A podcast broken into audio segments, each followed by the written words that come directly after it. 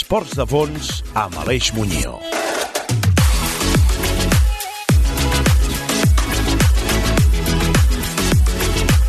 Bon dia, bona tarda, bon migdia, bon vespre o bona nit. Sí, quan sigui que ens esteu escoltant, sigui d'on sigui, des d'on i quan ho feu. Benvinguts a 13, benvinguts al 96è 13, el programa dels esports de fons. Aquí a 13 repassem l'actualitat dels esports de fons, del ciclisme en totes les seves modalitats, del triatló i del duatló, de l'esquimo, de l'atletisme i del trail running.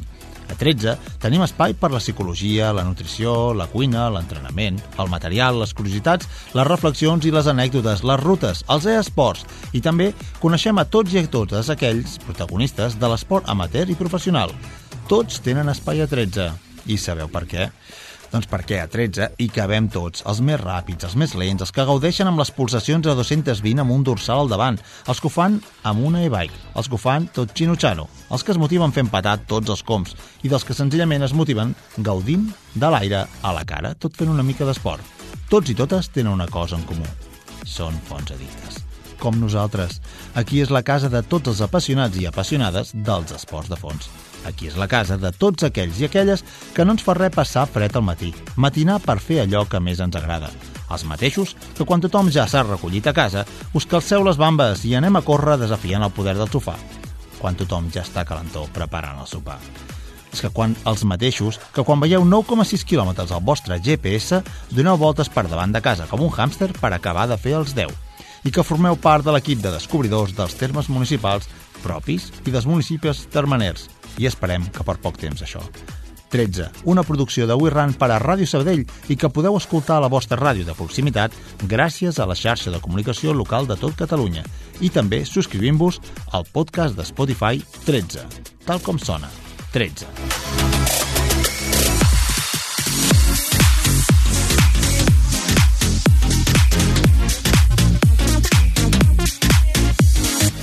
I què tindrem avui a 13? Boc and roll, l'actualitat del triatló, de l'esquimo i del ciclisme. Comptarem amb Joan Freixa, el català, que tot just ha guanyat el Campionat d'Espanya de triatló d'hivern. L'espanyol més veterà a guanyar un Campionat d'Espanya. I avui també amb les següents seccions, Rayton i Omnibus, el món dels e-esports de 13 i avui també amb els esportistes ganyifetes. Tal dia farà un any, on recuperarem el que va passar al món i el món dels esports al 1996. Caçadors de curses, buscarem arreu del planeta curses increïbles, inverosímils, a llocs increïbles i inverosímils. L'heroi invisible. Busquem gent comú que fa coses extraordinàries o gent extraordinària que fa coses comuns. De tot, una mica. Comença l'hora de 13.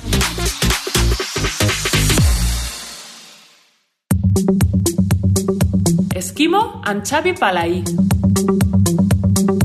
Molt bones, Aleix, i molt bones oients de 13. Anem amb la quarta i penúltima prova de la Copa del Món d'Esquí de Muntanya, que ha tingut parada a Itàlia, on s'ha disputat una de les clàssiques del calendari internacional, la Marmota Trophy. Ha estat la darrera prova abans de la celebració dels campionats del món que tindran lloc a Andorra durant la primera setmana de març. La competició així doncs es va iniciar dissabte amb la prova sprint, una modalitat explosiva en fase d'eliminatòries on Oriol Cardona ha tornat a demostrar que els sprints són la seva especialitat, tot fent-se amb la medalla de bronze i a tan sols a 4 segons el guanyador, el suís Arno Lieta. En noies, la final encara ha estat més disputada i Marta Garcia, tot i arribar 5 segons més tard que la guanyadora Tove Alexandersson, de Suècia, es va haver de conformar amb la quarta posició. I en la prova individual de diumenge, els competidors han participat en un circuit amb característiques ben pròpies de l'esquí de muntanya, combinant canals, zigazagues i trams a peu, amb un descens positiu de 1.800 metres per als sèniors masculins i 1.470 per a la cursa femenina. La sueca Tove Alexandersson ha aconseguit el doblet en imposar-se per davant de la francesa Axel Gachet, que tot i això es manté líder d'aquesta Copa del Món. Marta Garcia ha creuat l'arribada en novena posició a 9 minuts de la guanyadora. L'actuació masculina ha estat més discreta. Oriol Cardona ha pagat per la fatiga als sprints i s'ha vist obligat a abandonar. Marc Pinsac ha entrat en trentena posició, lluny del campió suís Iwan Arnold. Així doncs, la toca una petita aturada de Copa del Món, però per donar pas a la cita més important del calendari internacional, els esperats campionats del món que aquest any se celebraran a Andorra entre el 2 i el 6 de març. Llàstima que les restriccions de mobilitat no ens permetin gaudir-los en directe perquè hagués valgut la pena. En qualsevol cas, els millors especialistes de l'esquí de muntanya competiran entre ells pels títols de campió i campiona del món en les modalitats de sprint, relleus, vertical i individual. I des de 13, com sempre, estarem ben atents per explicar-vos-ho tot.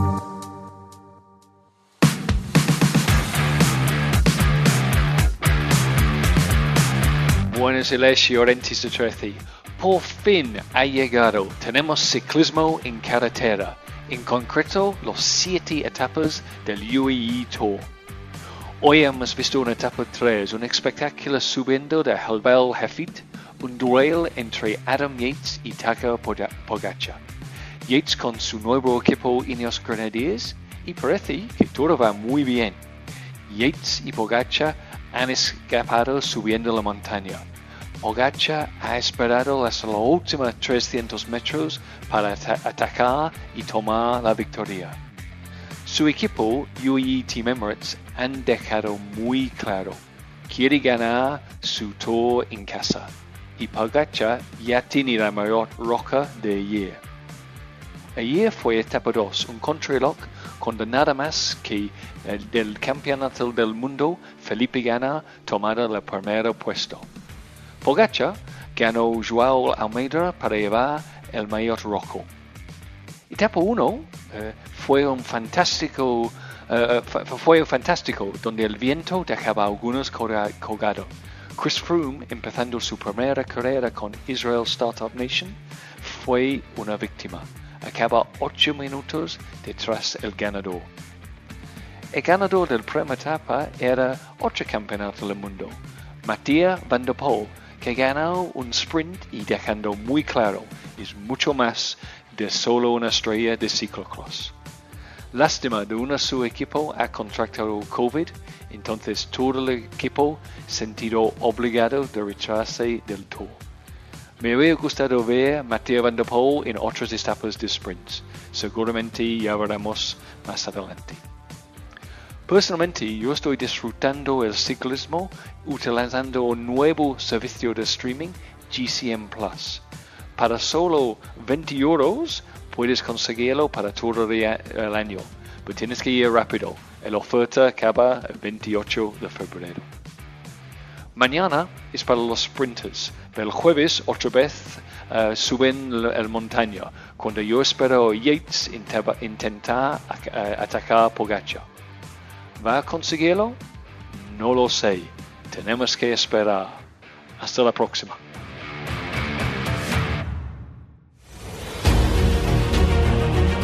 Triatló amb Aleix Muñoz. València fa un pas més en la seva marxa internacional i acollirà el Campionat d'Europa de Triatló.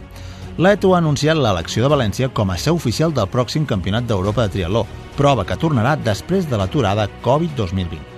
El Campionat d'Europa d'aquesta temporada se celebrarà un cop finalitzat els Jocs Olímpics i els Jocs Par Paralímpics de Tòquio. Serà, per tant, la última de la temporada. El campionat comptarà amb la competició èlit en categoria masculina i femenina, a més de la prova de paratriatló, i els campionats d'Europa també per a grups d'edat, tant en distància sprint com en distància olímpica. Serà una oportunitat única per a tots els triatletes espanyols que vulguin competir amb els colors de la selecció en un campionat d'Europa, que a més es celebrarà a casa.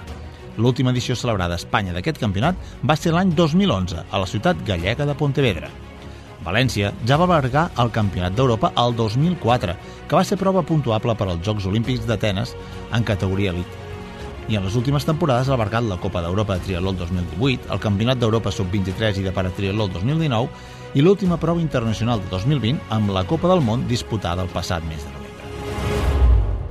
La ITU passa les World Triathlon Series d'Abu Dhabi al novembre. Les VTS d'Abu Dhabi 2021 s'han traslladat a una nova data, del 5 al 6 de novembre. La decisió va ser recolzada per unanimitat per la Junta Executiva de la ITU. No només permetrà més temps perquè s'allegin les restriccions de viatge actuals a tot el món, sinó que també podrà servir com un esdeveniment test per a la gran final del Campionat del Món de Triatló d'Abu Dhabi 2022, també a fi de temporada. Els organitzadors han planejat que un esdeveniment de mixtes tingui lloc el mateix cap de setmana. La temporada World Triathlon Series 2021 també veurà algunes ciutats noves que albergaran esdeveniments del món del triatló, amb Osaka, Japó, Lisboa, Portugal i Hyundai, a Corea del Sud. Les sèries mundials es reiniciaran després de l'1 de maig, però, prim, la, però la primera, que tindria lloc a la ciutat xinesa de Chengdu, ha decidit posposar l'esdeveniment per una data posterior a la temporada, considerant les restriccions de viatge actuals a la Xina. Amb aquest panorama, està programat el començament de les World Triathlon Series d'enguany en distància olímpica a la ciutat de Yokohama, el 15 de maig. Els campionats es traslladaran al Regne Unit el mes següent i Leeds serà l'anfitrió el 5 de juny, abans de tornar a Montreal del 26 al 27 de juny. Les dues ciutats han estat habituals en el calendari mundial de triatló des del 2016. Hamburg celebrarà la seva vintena temporada consecutiva com a seu de triatló del nivell el 10 de juliol, prova que serà l'últim test abans dels Jocs Olímpics de Tòquio.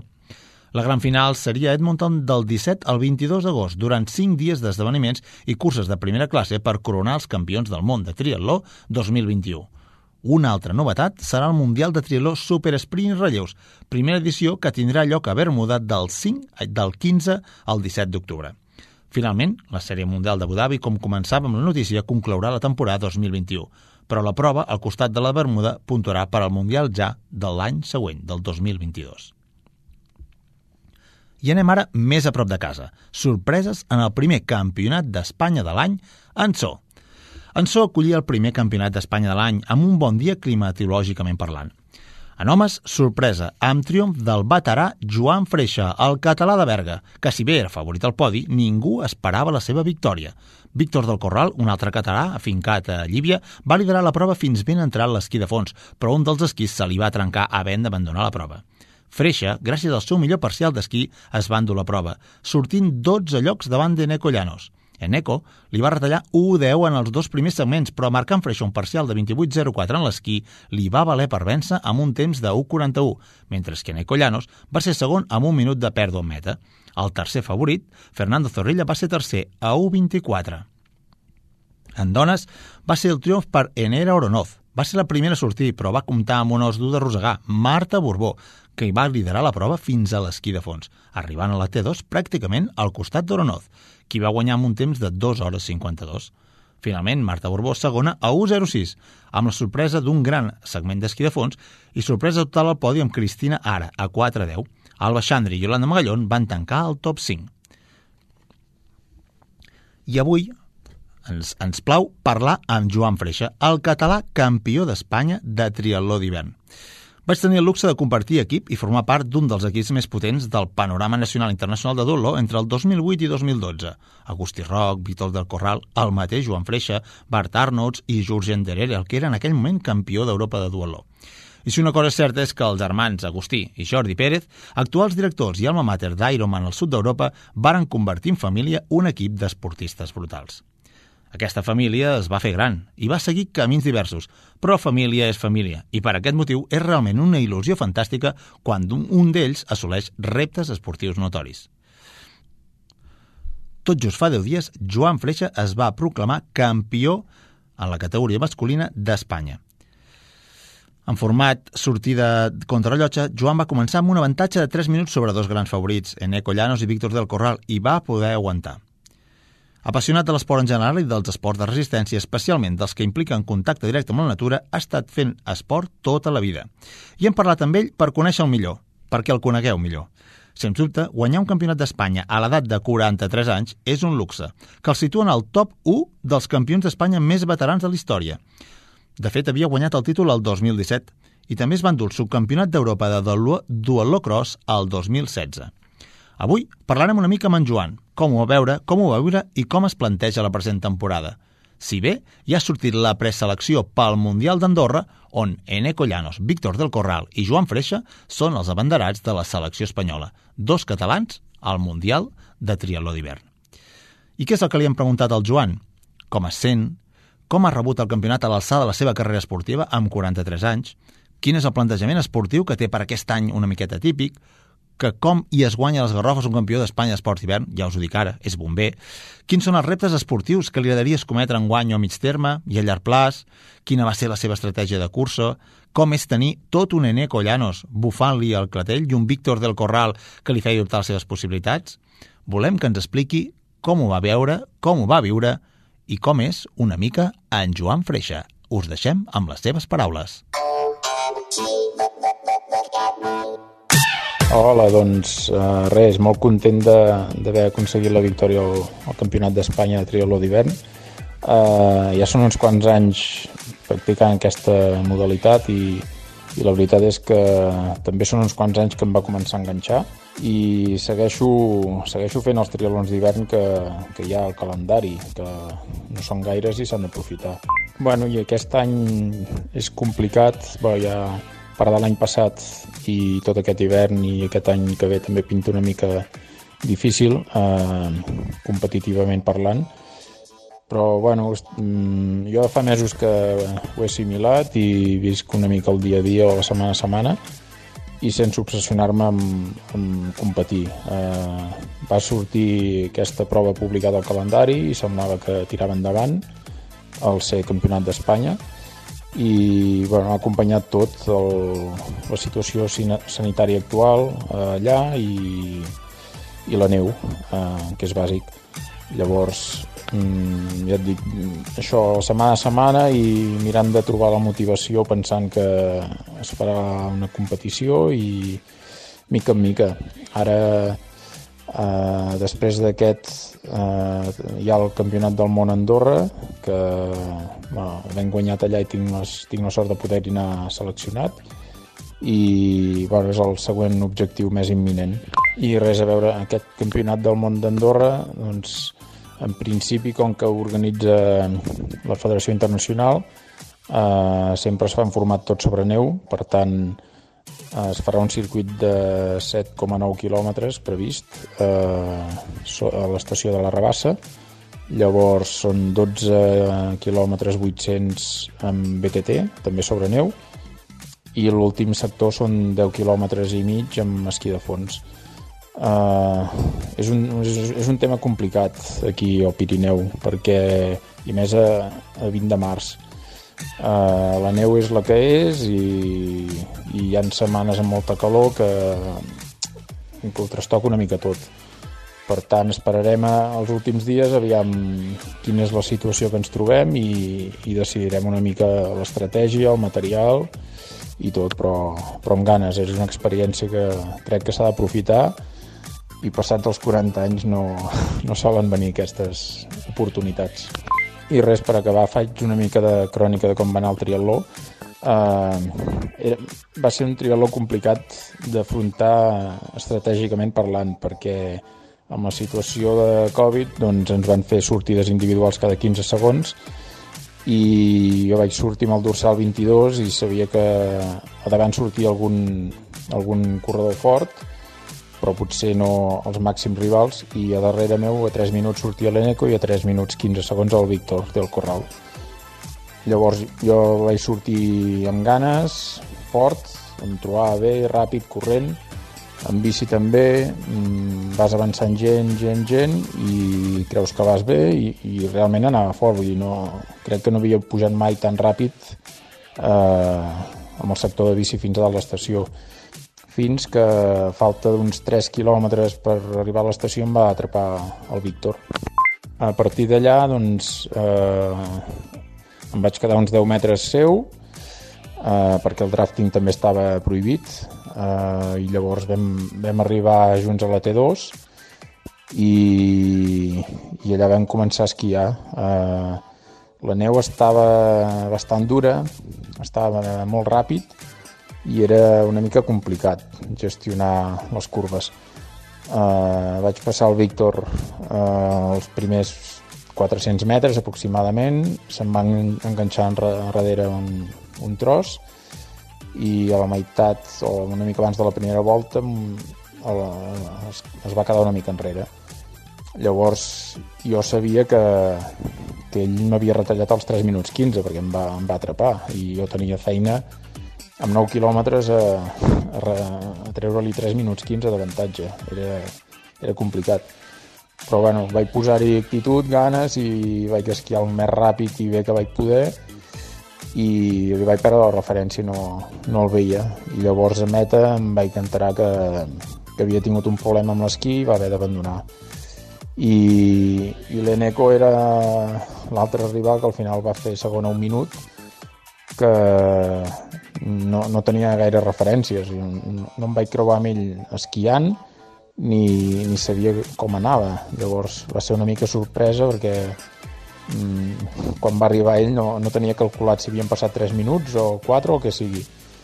I així amb aquesta incertesa doncs eh, vaig tenir la sort de, de fer primer. Encantat de parlar amb vosaltres. Enhorabona pel programa de ràdio i res, salutacions a tots els oients i ens veiem al món de l'esport vinga, que vagi bé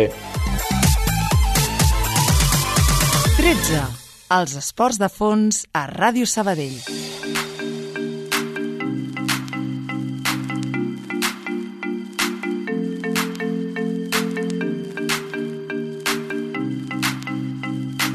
Omnibus, amb Joan Molla. Si veieu algun ciclista que coneixeu i que va massa ràpid, pot ser que estigui fort com el vinagre de cooperativa, o que potser estigui fent servir alguns trucs al Swift. Intencionadament o no, enganyar la plataforma de ciclisme virtual Swift realment és possible. A continuació, us exposarem amb el Joan alguns dels trucs més utilitzats. Diguem-li trucs, diguem-li ganyifetes, i alguns altres que es consideren legals.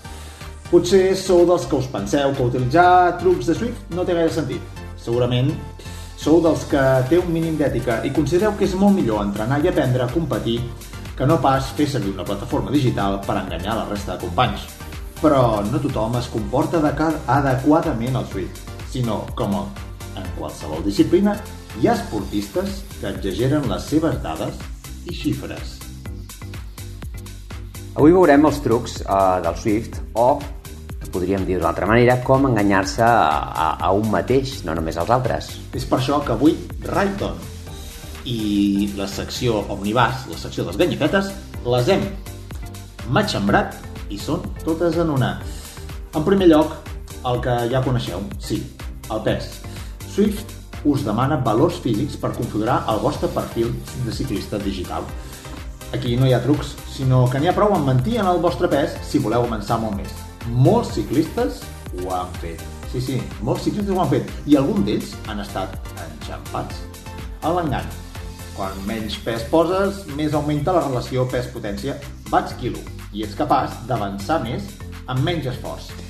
Aquí suposo que caldria fer un parèntesi. Què volen dir els watts eh, en el ciclisme? Bé, els watts és una unitat de mesura de la potència, o que és el mateix, eh, el treball per unitat de temps. En el cas del ciclisme, eh, és equivalent a multiplicar la força de torsió sobre els pedals o per ell en la cadència. Sí, si això, si això, això, podeu dir, ui, això d'augment està sent espès, però seguim, seguim. Sí, sí. Si aquesta dada la dividim pel pes del ciclista, tenim la potència relativa o els watts respecte a, als, als quilos. Però què és aquesta relació i per què és tan important? Bé, eh, la relació pes-potència és un factor que el que aconsegueix és relativitzar la morfologia del ciclista. És a dir, que es converteix en un coeficient que relaciona les dues qualitats objectives i les tradueix en un valor quantitatiu que intenta doncs, ser objectiu. És a dir, que vindria a ser és la quantitat de força que és capaç de fer un objecte, en aquest cas el ciclista, a, per la quantitat de quilos que té aquell objecte. Ah, això mateix. La relació pes-potència mesura quanta potència és capaç de donar cada quilo de massa de, de, del teu cos. I és fonamental perquè abans es pensava que el pes implicava millorar resultats de rendiment, però això no és del tot cert. Un quilo de múscul també ocupa força més que, que, que un quilo de greix. I així que cal perdre greix, però cal tenir, tenir també cura per no perdre massa muscular, perquè llavors perdem perdent pes comportaria perdre també aquesta, aquesta potència. És aquí la, la, la clau està en baixar el pes però, però mantenir, no mantenir uh, la quantitat de muscle o si més no, si perdem muscle que aquest muscle no perdi la seva capacitat de fer força. Això mateix. El, el millor de la relació pes-potència és que deixa de banda el que dèiem, la morfologia del ciclista. Per tant, deixa d'importar la talla o el pes del ciclista. El que realment importa és quan bat, quants watts és capaç de moure el teu cos per quilo de pes. Perquè si, si, si els, els teus, el teu pes, els teus quilos, aparentment poden ser, doncs pots tenir més volum que, que un altre ciclista o atleta que, que és més, més prim, doncs eh, això tu pots, pot ser perfectament que puguis tenir més força, puguis, puguis desenvolupar amb més pes, més potència. No cal estar, estar finet. És a dir, el que importa realment és el que tu ets capaç de, de, de moure, d'arrossegar. D'aquesta manera es poden comparar dos perfils fisiològics diferents. Així doncs, en comptes de fer trampes per millorar, et pots centrar en aquestes variables de, del que dèiem.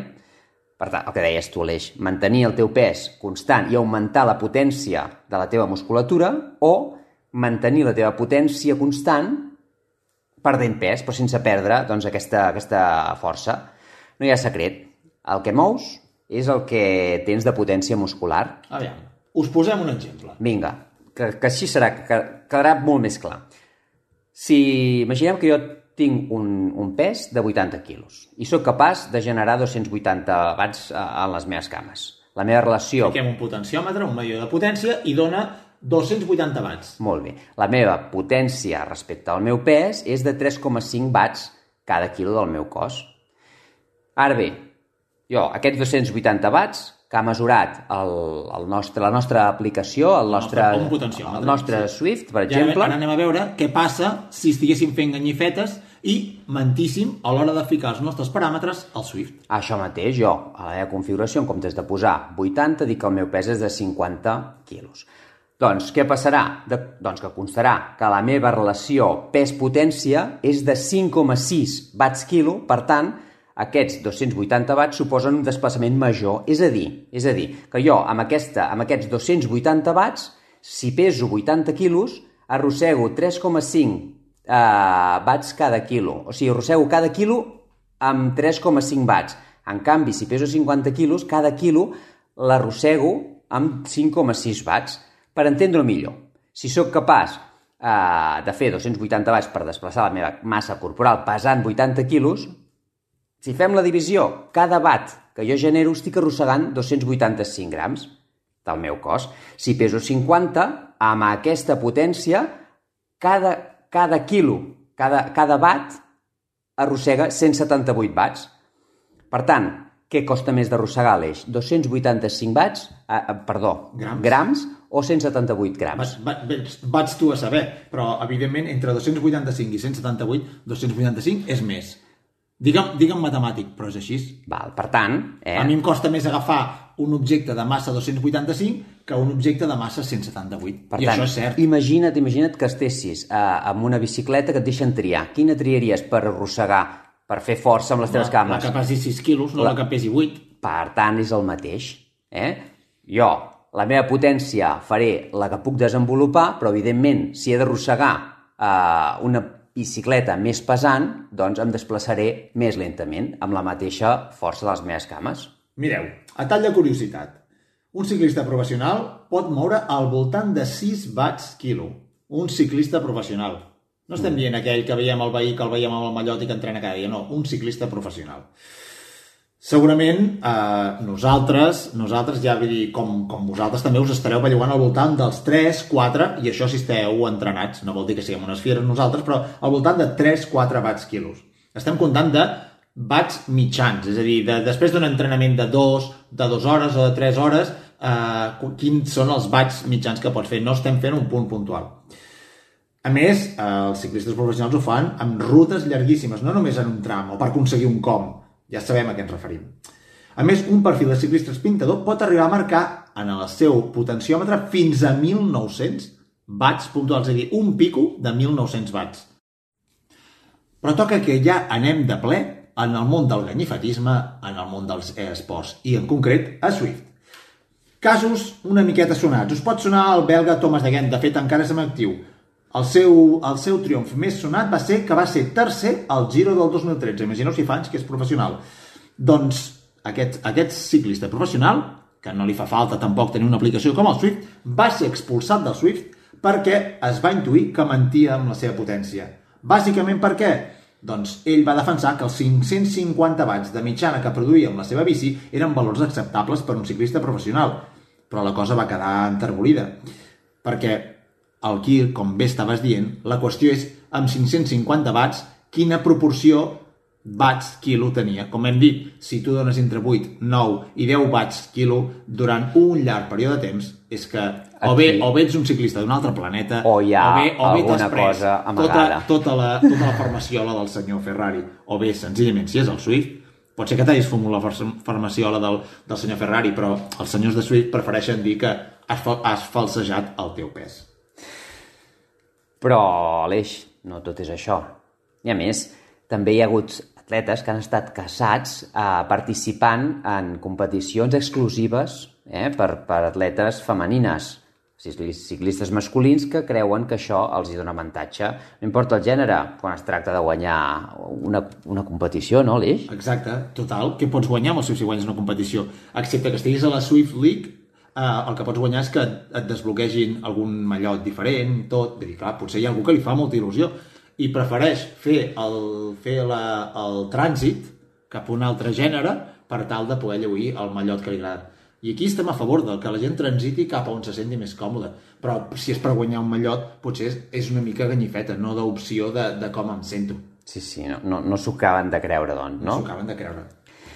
Molt bé, un altre dels, dels més sonats, eh, la, la ganyifeta, que també és recorreguda, és, sens dubte, eh, calibrar erròniament el potenciòmetre, erròniament o deliberadament.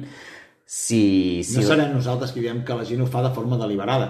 Potser ho fan de forma um, per una mancança de, de, de criteri tècnic. Sí, sí, aviam, sempre, sempre que, que es dona el cas, doncs hom argueix que es tracta d'un error tècnic o mecànic que ells no saben controlar. Però la, la qüestió és que també hi ha casos eh, que aquesta mal, mala regulació fa que el Swift els hi compti eh, bats més elevats de, del que realment estan produint. Clar, és com aquella pobra noia que parlàvem fa uns dies que, que li van canviar la bici sense que ell ho sapigués. Pobra Ah, noia, ella no tenia la culpa que tingués un motor. De fet, aquesta, aquesta qüestió doncs, és, és, és difícil de demostrar, però sí que salta, salta una mica l'arma, o depèn de quins valors o resultats obtinguis, doncs sí que doncs, eh, salta una mica l'alarma.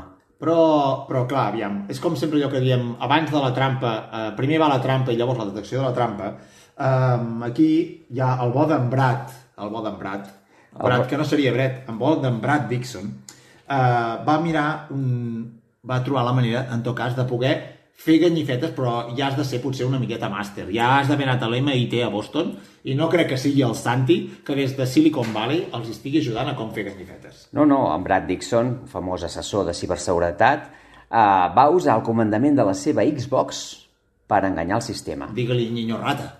Sí, sí, eh, una Un, mica... un ratkit. Un ratkit. Un ratkit. Sona fàcil, però realment és complex. Segons Dixon, quan un ciclista pedala, eh, di- diversos sensors llegeixen la informació. És a dir, ell va entendre com funcionava allò. Aquests sensors llegeixen la informació i la transmeten per un protocol Bluetooth o ANT+, fins a l'ordinador. En plus. Sí, en plus. Per tant, Dixon va usar eh, una eina de, de codi obert eh, amb una Raspberry, que és, que és com una mena d'ordinador molt petit, per interceptar aquesta informació i modificar les dades. És a dir, és un jacker. Sí, va, va trucar al sistema des de dins. Una cosa a l'abast de molt pocs. No, no, escolta'm, Un això, jack. és, això és un ganyifeta, però a nivell màster, eh? Sí, sí, sí. Sí. Però aviam, eh, Joan, eh, Joan i oients, pots fer de Brad Dixon, però clar, has hagut d'estar molts dies sense fer campana i potser no haver anat a l'ESO, haver anat a Bup i Cou, però amb tot, que, amb tot el perdó al nostre sistema educatiu del qual en formem part. Però resulta que, aviam, pots fer de Brad Dixon, però també pots fer de Mad Max. Sí, sempre hi ha els que els agrada l'electrònica i els que els hi ha agradat la mecànica, no? Exacte. Sí, Clar, sí. Tu, què, tu què ets? De, de, de, de FP o, o BUP? Et deien això abans. Bueno, sí, però diguéssim que és d'FP, la, la branca electrònica o Sí. la mecànica, no? Doncs pues, clar, és a dir, en realitat el que estem dient és que pots agafar sempre el teu ciclomotor o la teva moto, pujar-la damunt d'un rodillo i fotre-li gas. Sí, sí, sona, Això també, això, això, això hi ha vídeos. sona divertit, no som però... nosaltres que ens ho hem inventat. No, no, no, això és tan real com la vida mateixa, Aleix. Exacte. Aquest tipus de vídeo corre per les xarxes i, i més enllà de, de lo divertit de la imatge, és obvi que, bueno, que, que resulta molt curiós que algú arribi a, a decidir fer això Bueno, per fer una mica de trampetes. En el, en el fons jo crec que és un reivindic, una reivindicació de que, escolta, amb el Swift hi ha gent que fa moltes trampes. Però a mi em passa. Jo no hi ha dia que no vagi a un esdeveniment de Swift que no em trobi algú, que de cop i volta veig picos de 7, 8 i 9 i dius, escolta, m'estem fent una pujada d'una hora. Aquí, com pot ser que hi hagi algú que faci això? No m'ho crec. No, no. És... Esto no puede ser, senyorita. És realment sospitós. És denunciable. És denunciable. Però, aviam, trucs vàlids, trucs vàlids que es poden fer al Swift. Aviam, no tot és fer el ganyifeta.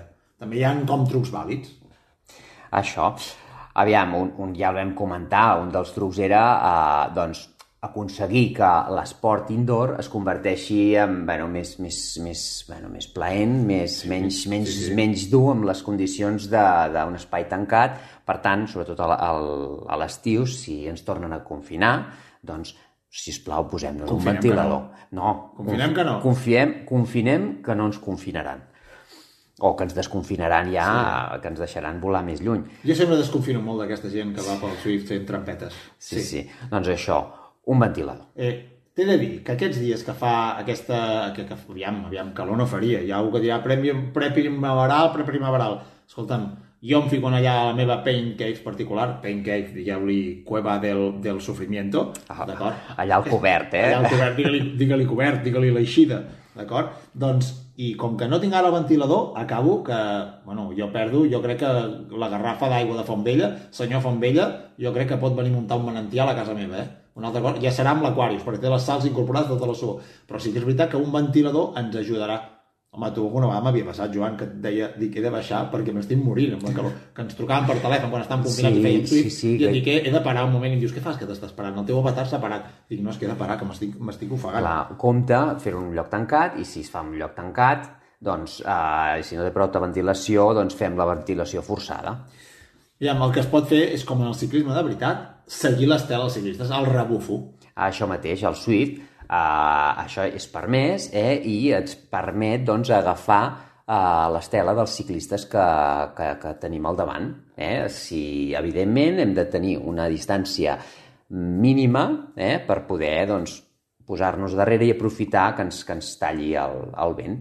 Això, i el que comentàvem, que ja un dia n'aprofundirem, és quines bicicletes portem, quines rodes portem, tot aquest material que els cascos no, no hi influencien, això us ho diem, els cascos de moment no està demostrat que amb Swift a dia d'avui influencien, però sí la bicicleta i les rodes. I també hi ha el tema dels, dels power-ups. Mentre estàs fent una, una etapa, doncs hi ha en parts del recorregut, eh, o quan desbloqueges algun, algun sector, doncs que pots venir, pots obtenir doncs, uh, power-ups que t'ajuden a tenir doncs, petites avantatges, allò, la, la ploma... La ploma sí. camió, totes És a dir, que uh, durant el temps que tu decideixes, un cop l'obtens, pots triar quan l'actives. Un cop l'actives, doncs, si tens una ploma... Doncs, tens uns 10 segons, 15... Que peses menys, per tant, si això és obvi que és aconsellable que el facis servir en una pujada, no? Clar. O si, si estàs uh, amb, el, amb el casc aerodinàmic, doncs també per intentar en pla doncs, eh, fer, rodar.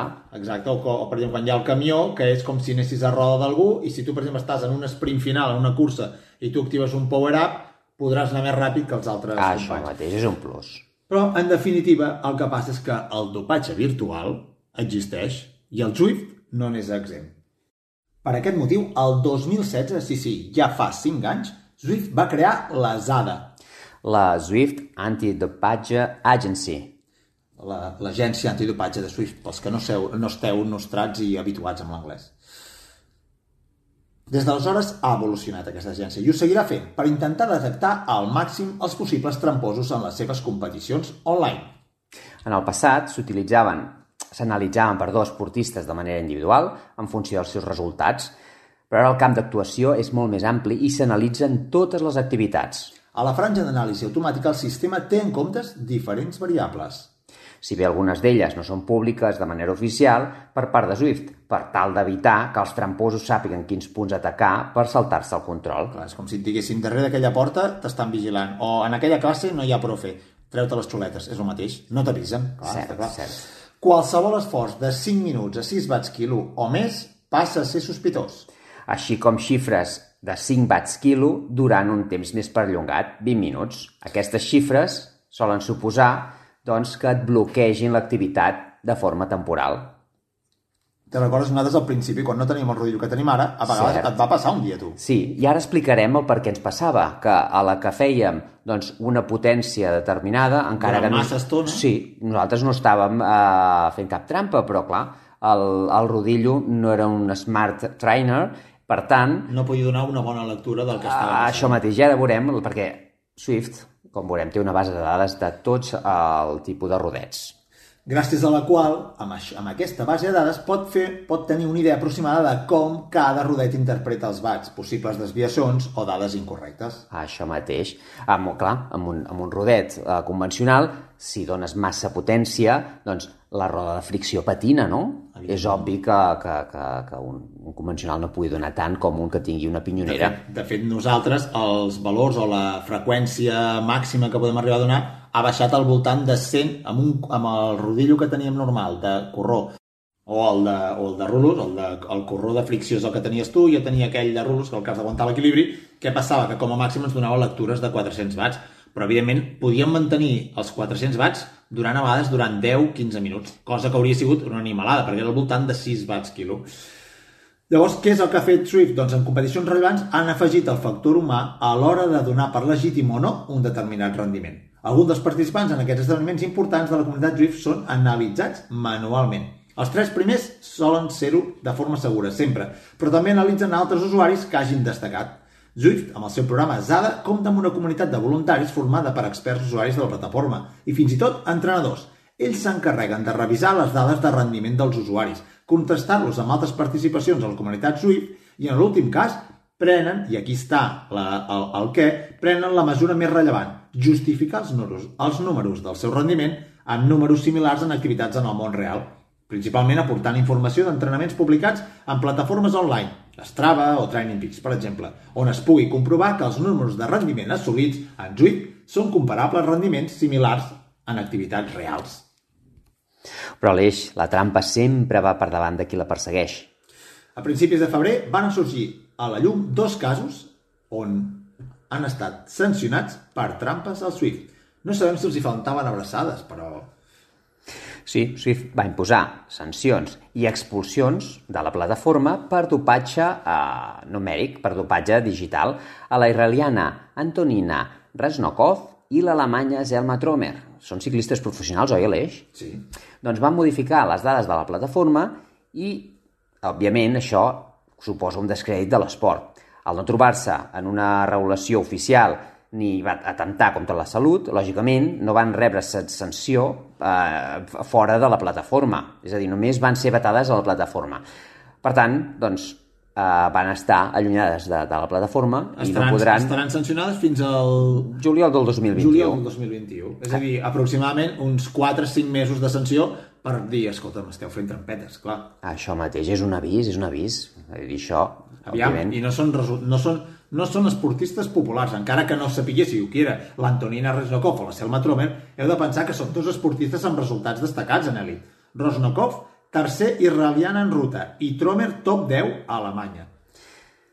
Si fa el trampes al Swift, faran trampes al Montreal? No, home, no, no, sí, no, es fan, en el món real on es guanyen les garrofes fent ciclisme, segur que, són, segur que no fan cap mena de ganyifeta. En canvi, a un no els hi va res, ni els juguen res, segur que potser diuen, ai, mira, aquí sí que podré fer trampes.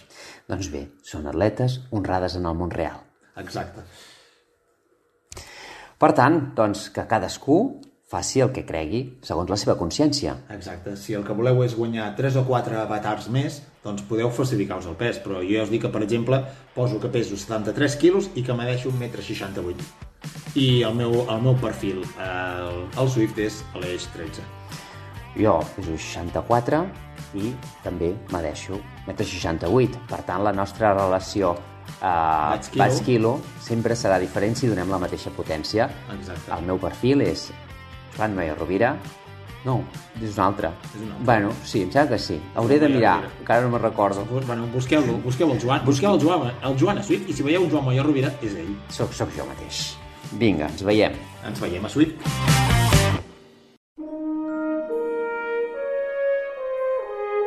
Caçadors de curses.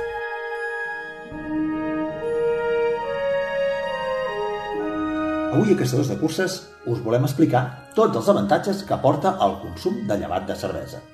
Ajuda a millorar el nivell de sucre a la sang, reforça les defenses, afavoreix la salut ocular, afavoreix la prevenció de la migranya, ajuda a protegir la salut cerebral, contribueix a millorar la diarrea, afavoreix la digestió, ajuda a prevenir l'anèmia.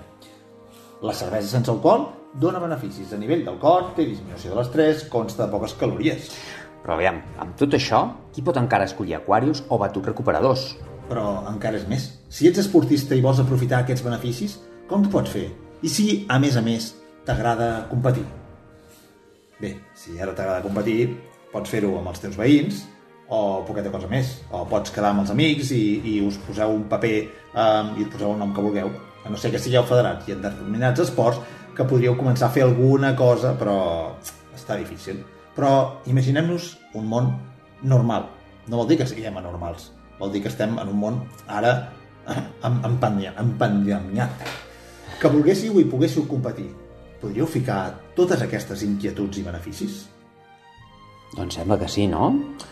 Caçadors de curses, avui us volem ajudar i fer-vos arribar a tots i totes aquells que teníeu aquest neguit interior que per fi, ara i aquí, surt a la llum i és escoltat. Per tant, avui, cervesa i curses. Cursa i cervesa. Traslladem-nos a la ciutat dels senyors gentlemans, dels senyors i de les senyores, del té a les 5, del sorry per tot i del polite i, uh, uh, uh, i del tot correcte. Però en aquest context tenim també la The Beer Belly Run. I què fa la The Beer Belly Run? Doncs substitueix les tradicionals estacions de begudes per taules plenes de cervesa. Els competidors han de completar 5 voltes d'una milla al voltant de la ciutat de Londres, a London.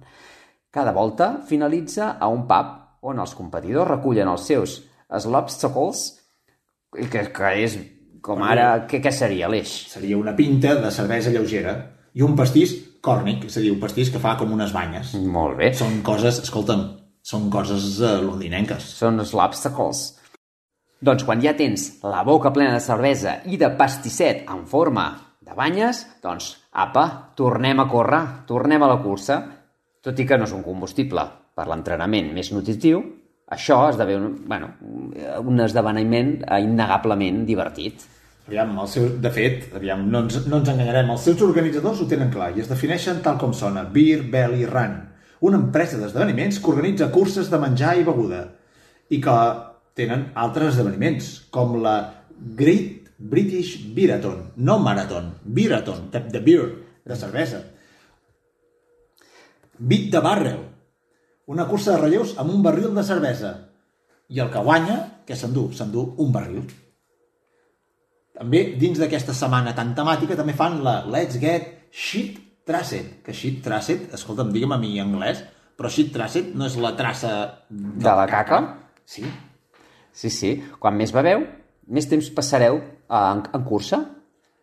Un dissabte al matí, Quan... tothom fa la cursa, el bevedor més gran, que, més gran és el que comença primer i els corredors sobris el persegueixen guanya el primer en acabar. Exacte, vull dir, és a dir, és, és, ves bevent, clar, ja arriba un punt que suposo que ja corre recte no deus córrer. Sí, però això que és una excusa per veure o, o veus és a, per és, poder és, córrer? És a veure, a veure... A veure qui a veure veu quan, més. A veure qui veu més. També hi ha un altre, The King of the Hill, amb Hill, l'arc de Hill, no? de, de, de muntanyeta.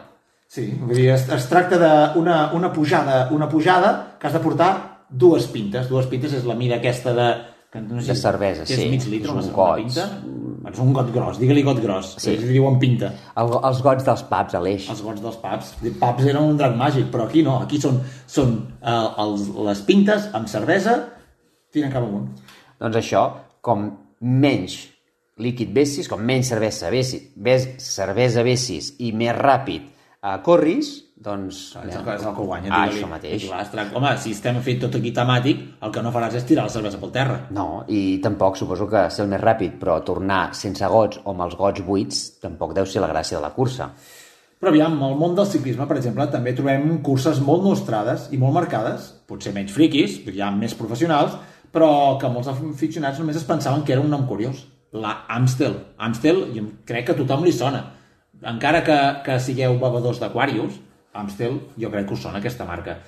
I Amstel Gold Race, a tu et sonava l'Amstel Gold Race? Doncs sí, em sonava. És una de les clàssiques curses ciclistes... Eh, Professionals. Això, professionals, eh, doncs del calendari.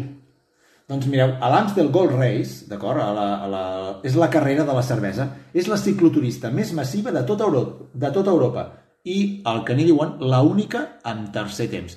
Tercer temps és allò que dèiem que ens explicava el Sergi del Ah, rugby, sí que que és és quan el tercer temps és això que, que queden i mengen i, i veuen tots els dos equips que se n'han enfrontat en un partit de rugby. Sí, Doncs acaben comentant la jugada, com ha anat, en aquest cas, la cursa ciclista, no? Exacte, aquí el que passa és, és una marxa cicloturista amb tercer temps i vinga, va, fem festa a Amstel i llavors els ciclistes professionals són els que corren i tu ja ben, ben torrat, clar que els animen.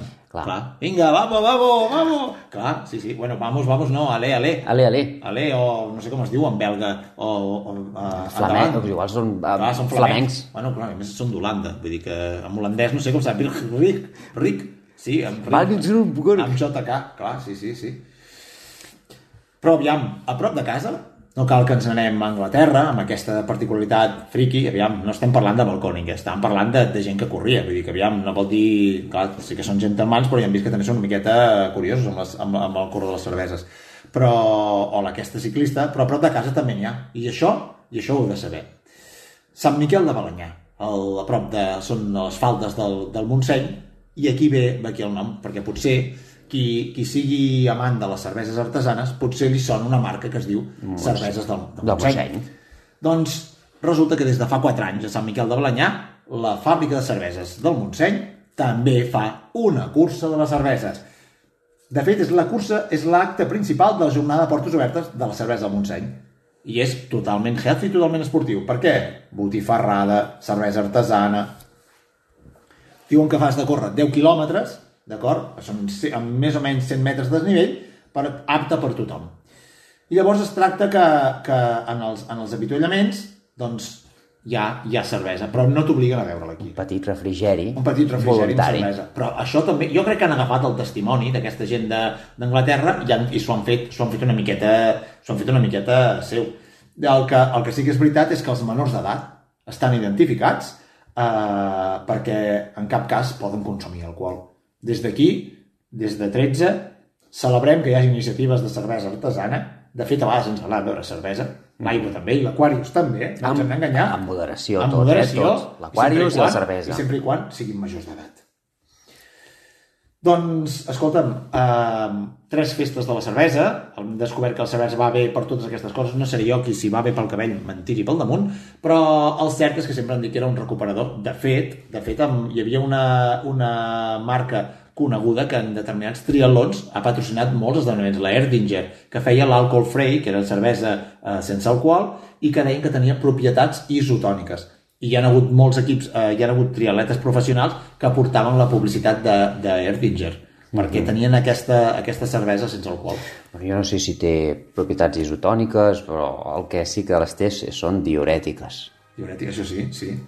El que, el que sí que és cert és que no sabem si anirem a l'Amstel Gold Race, si anirem a la Beer Belly Bar, aquesta de les cerveses de Londres, però potser Sant Miquel de Balanyà. Ens queda més a prop, oi? Aquesta ens queda a prop i us convidem que quan la puguin fer eh, doncs també podem anar a veure aviam què tal és això, perquè de fet tenim ganes de curses i fer una cervesa artesana del Montseny Sempre, sempre ve de gust. Des d'aquí, organitzadors, 13, recolzar la vostra iniciativa.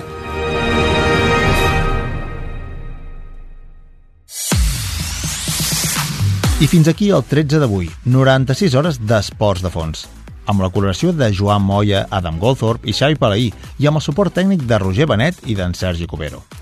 I ara, 13, quan vulgueu i on vulgueu. Ja som a Spotify. Teniu a la vostra disposició el podcast de 13, 13 tal com sona i en lletres. Podeu linkar-vos directament des del nostre perfil d'Instagram 13 Espai Esports de Fons. De debò, gràcies per formar part de la família 13 i d'aquests 96 programes. 13, producció de Wirran per a Ràdio Sabadell i que podeu escoltar a la vostra ràdio de proximitat gràcies a la xarxa de comunicació local de tot Catalunya. Soc l'Aleix Muñoz i us espero la setmana que ve poseu-vos el casc, la mascareta, vigileu, sigueu prudents, no deixeu d'estar pendents del temps i cuideu-vos, cuideu-vos molt. Us volem a tots i a totes aquí, a 13, a casa vostra, a la casa dels esports de fons.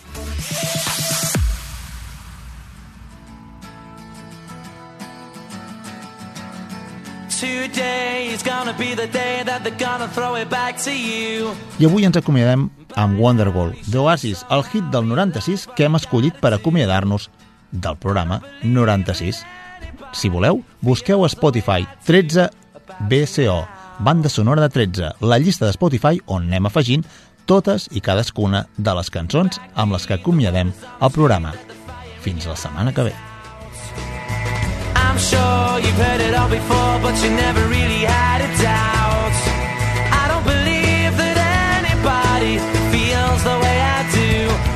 you now.